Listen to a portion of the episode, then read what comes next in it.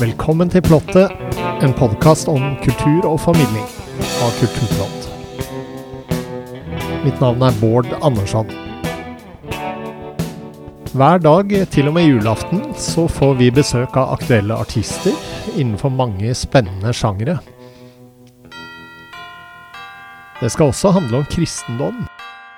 Vi får møte personer som er kjent innenfor ulike felt, som skal snakke om sitt forhold til kristendom. Det blir en spennende advent. Vi kjører i gang. Har du sett noe til geitene mine? Der fer fram med strømmene dine. I dag har vi fått besøk av eh, artist Elin Furubotn. Hun er eh, aktuell med albumet Resirkulerte rim og regler, som kom ut i november. Velkommen, Tusen takk. og gratulerer med nytt album. Kan ikke du først fortelle litt om inspirasjonen bak albumet, og hvordan det ble til? Jo da, det kan jeg. Jeg har jo kalt det for eh, resirkulerte rim og regler. Ja, Og det, ja, og det er faktisk urgamle rim og regler som jeg lærte av min mormor. aha. Eh, som var født i 1905, var hun født da. Og døde i 2005.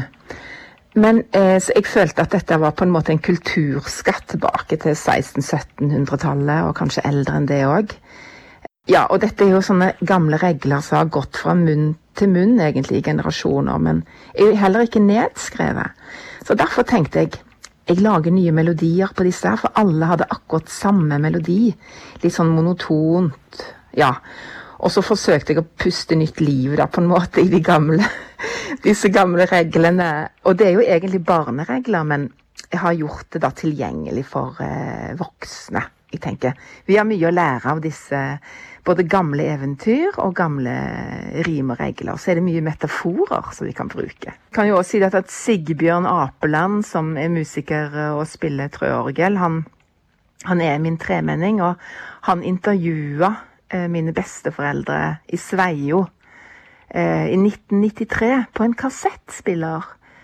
Så denne eh, hjemme i stua deres, og da sang de inn alle disse sangene og fortalte om, om når de var små, om bakgrunnen og om musikken, om hvilke instrumenter de brukte på den tida, og trøorgel og fele og sånn. Ja. Så denne kassetten fikk jo jeg da av Sigbjørn. Så det var jeg, da, da var alle sangene samla, og det var lett for meg å ta tak i de, egentlig.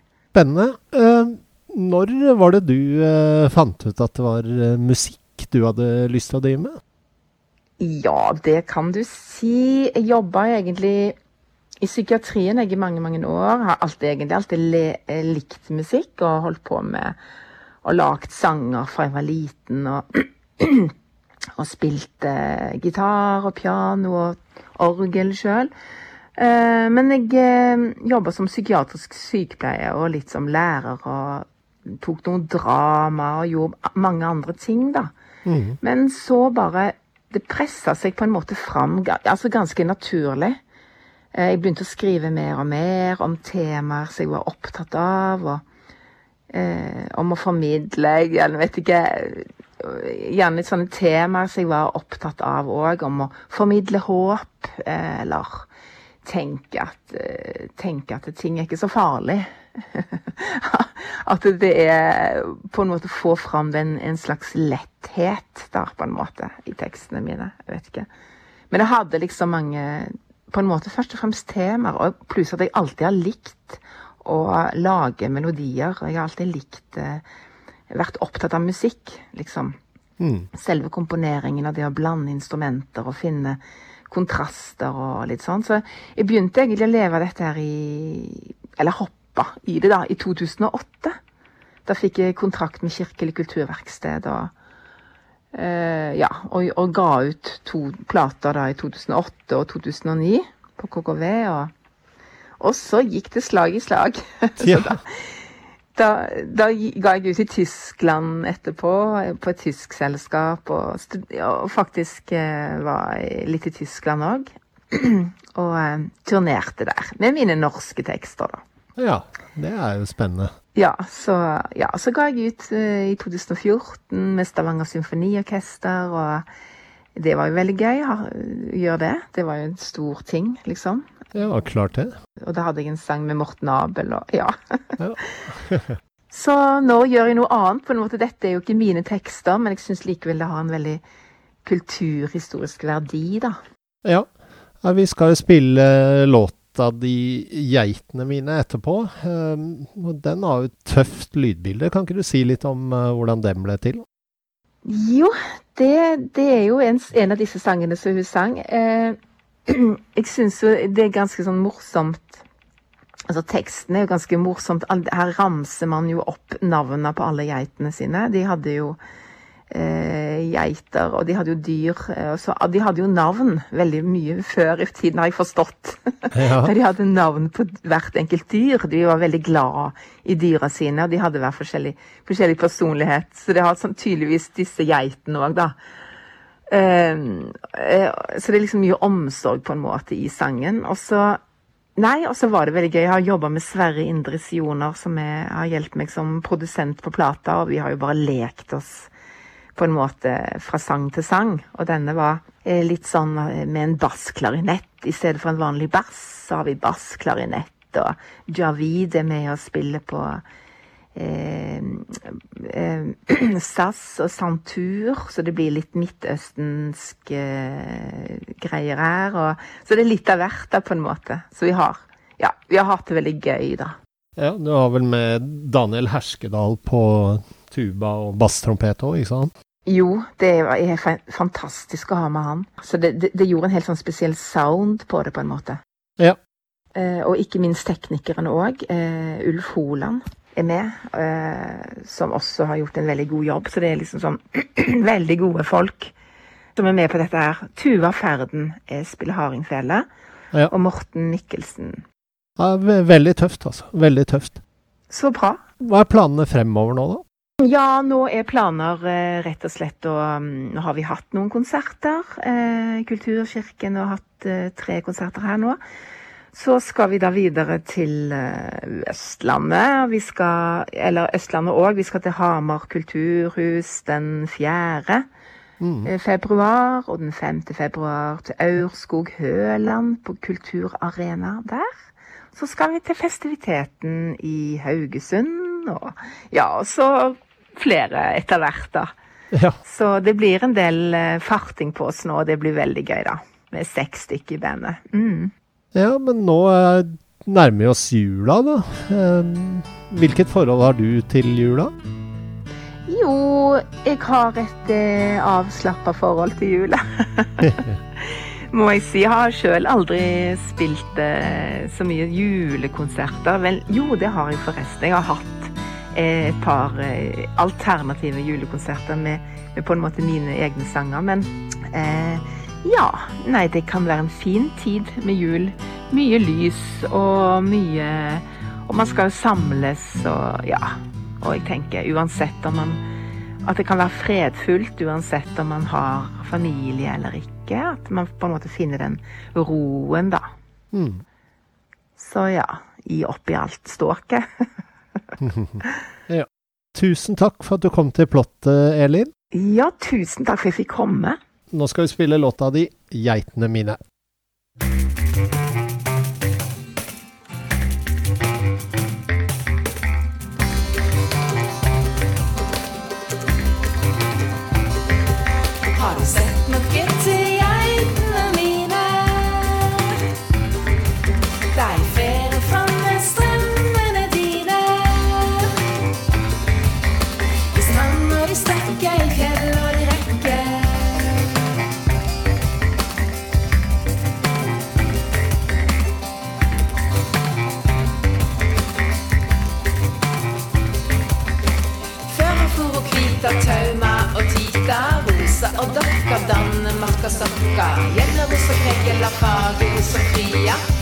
Ved sida. Tofta og tilja, fyke som lilja, åla og erta. Og etter kjem litle geita. Vi kaller ho for Sterta.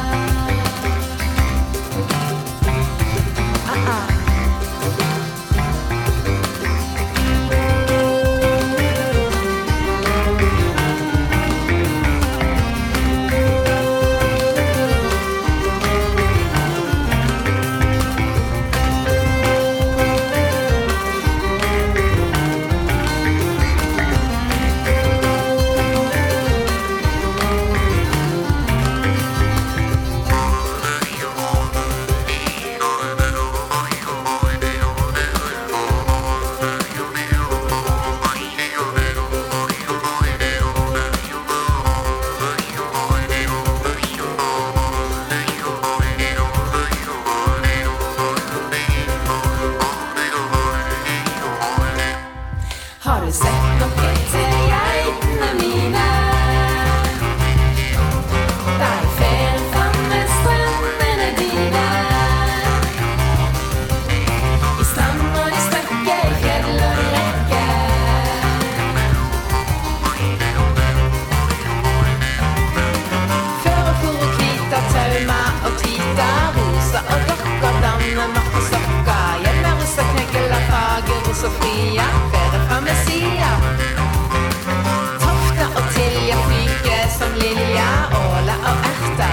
每次写。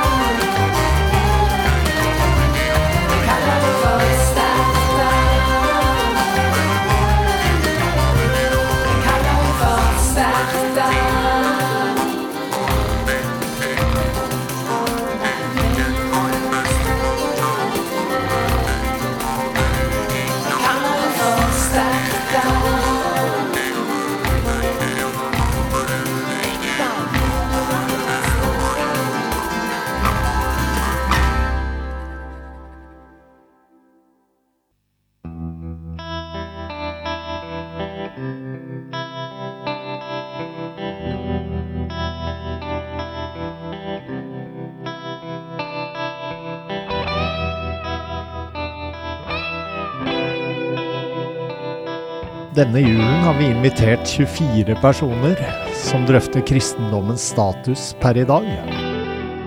Er løpet kjørt for kristendommen? I dag er det forfatter og rådgiver i Human-Etisk Forbund, Didrik Søderlind.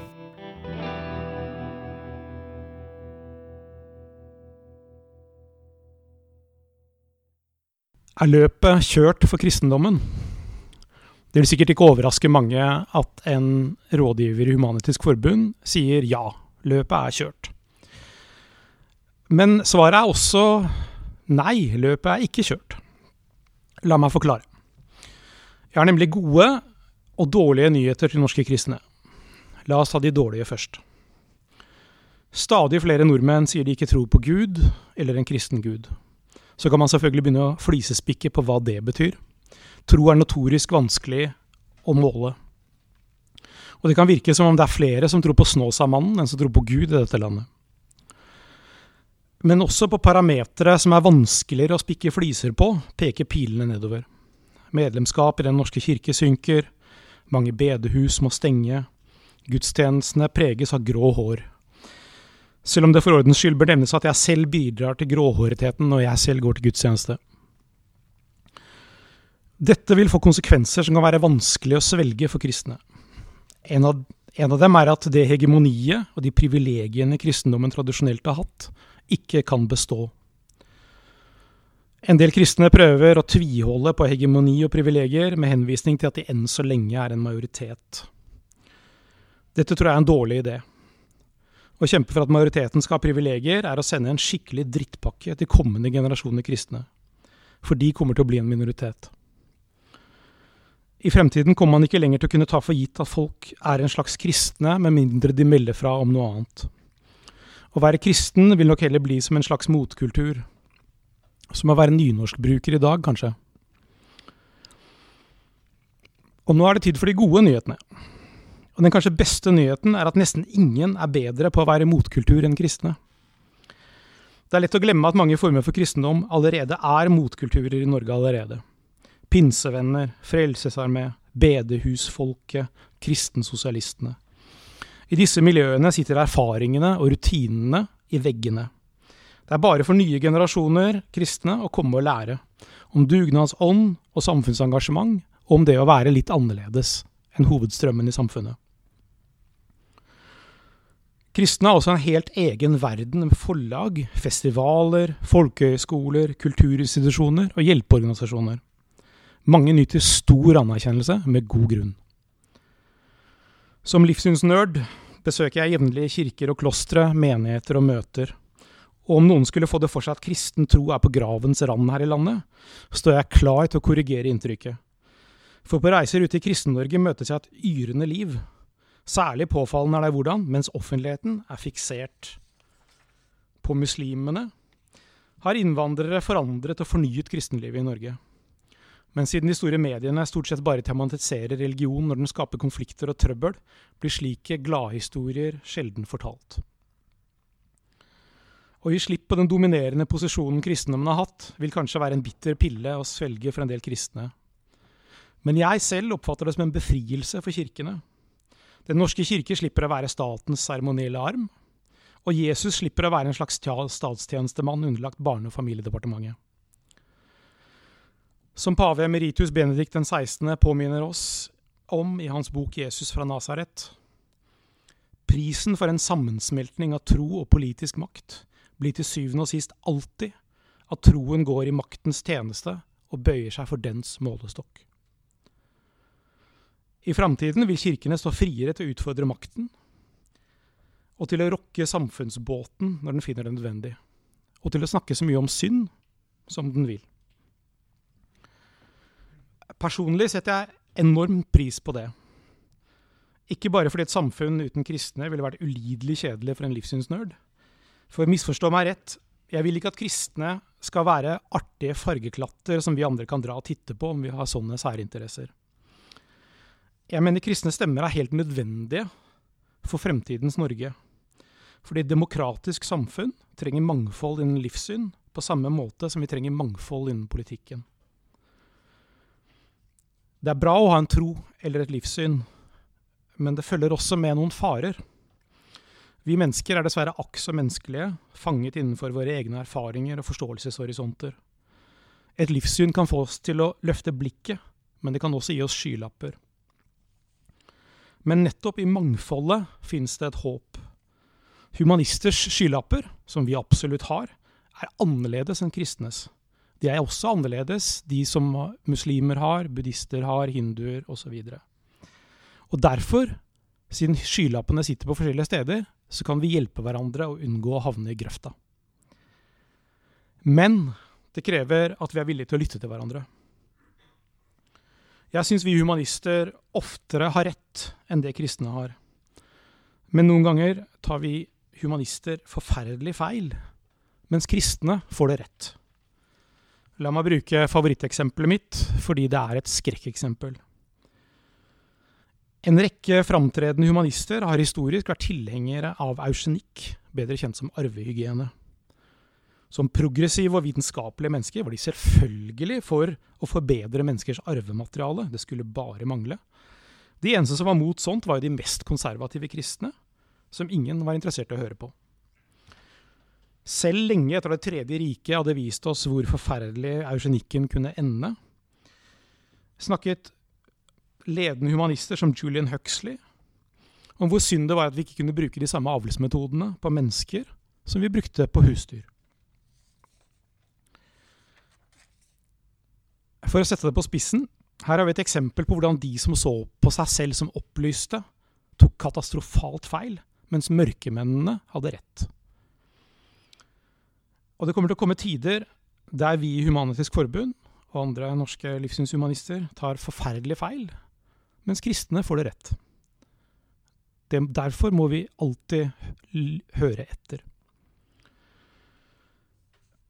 Vi i Humanitisk Forbund vil ikke ha et livssynsnøytralt samfunn.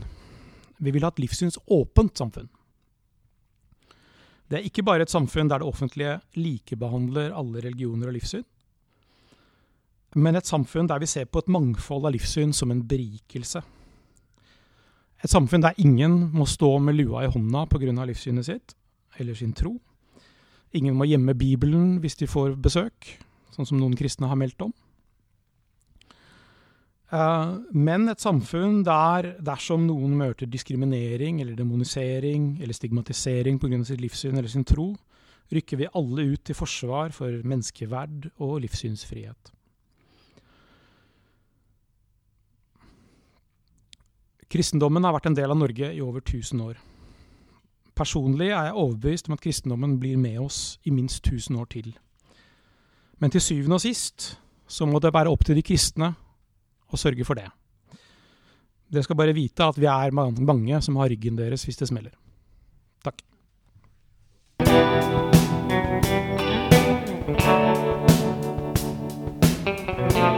Følg med på alt som skjer i kulturverdenen kulturplott.no. Der finner du også et tilbud på Kulturplott og magasinet Samtiden på 150 kroner for seks måneder. Programleder og teknisk ansvarlig for denne sendingen var Bård Andersson.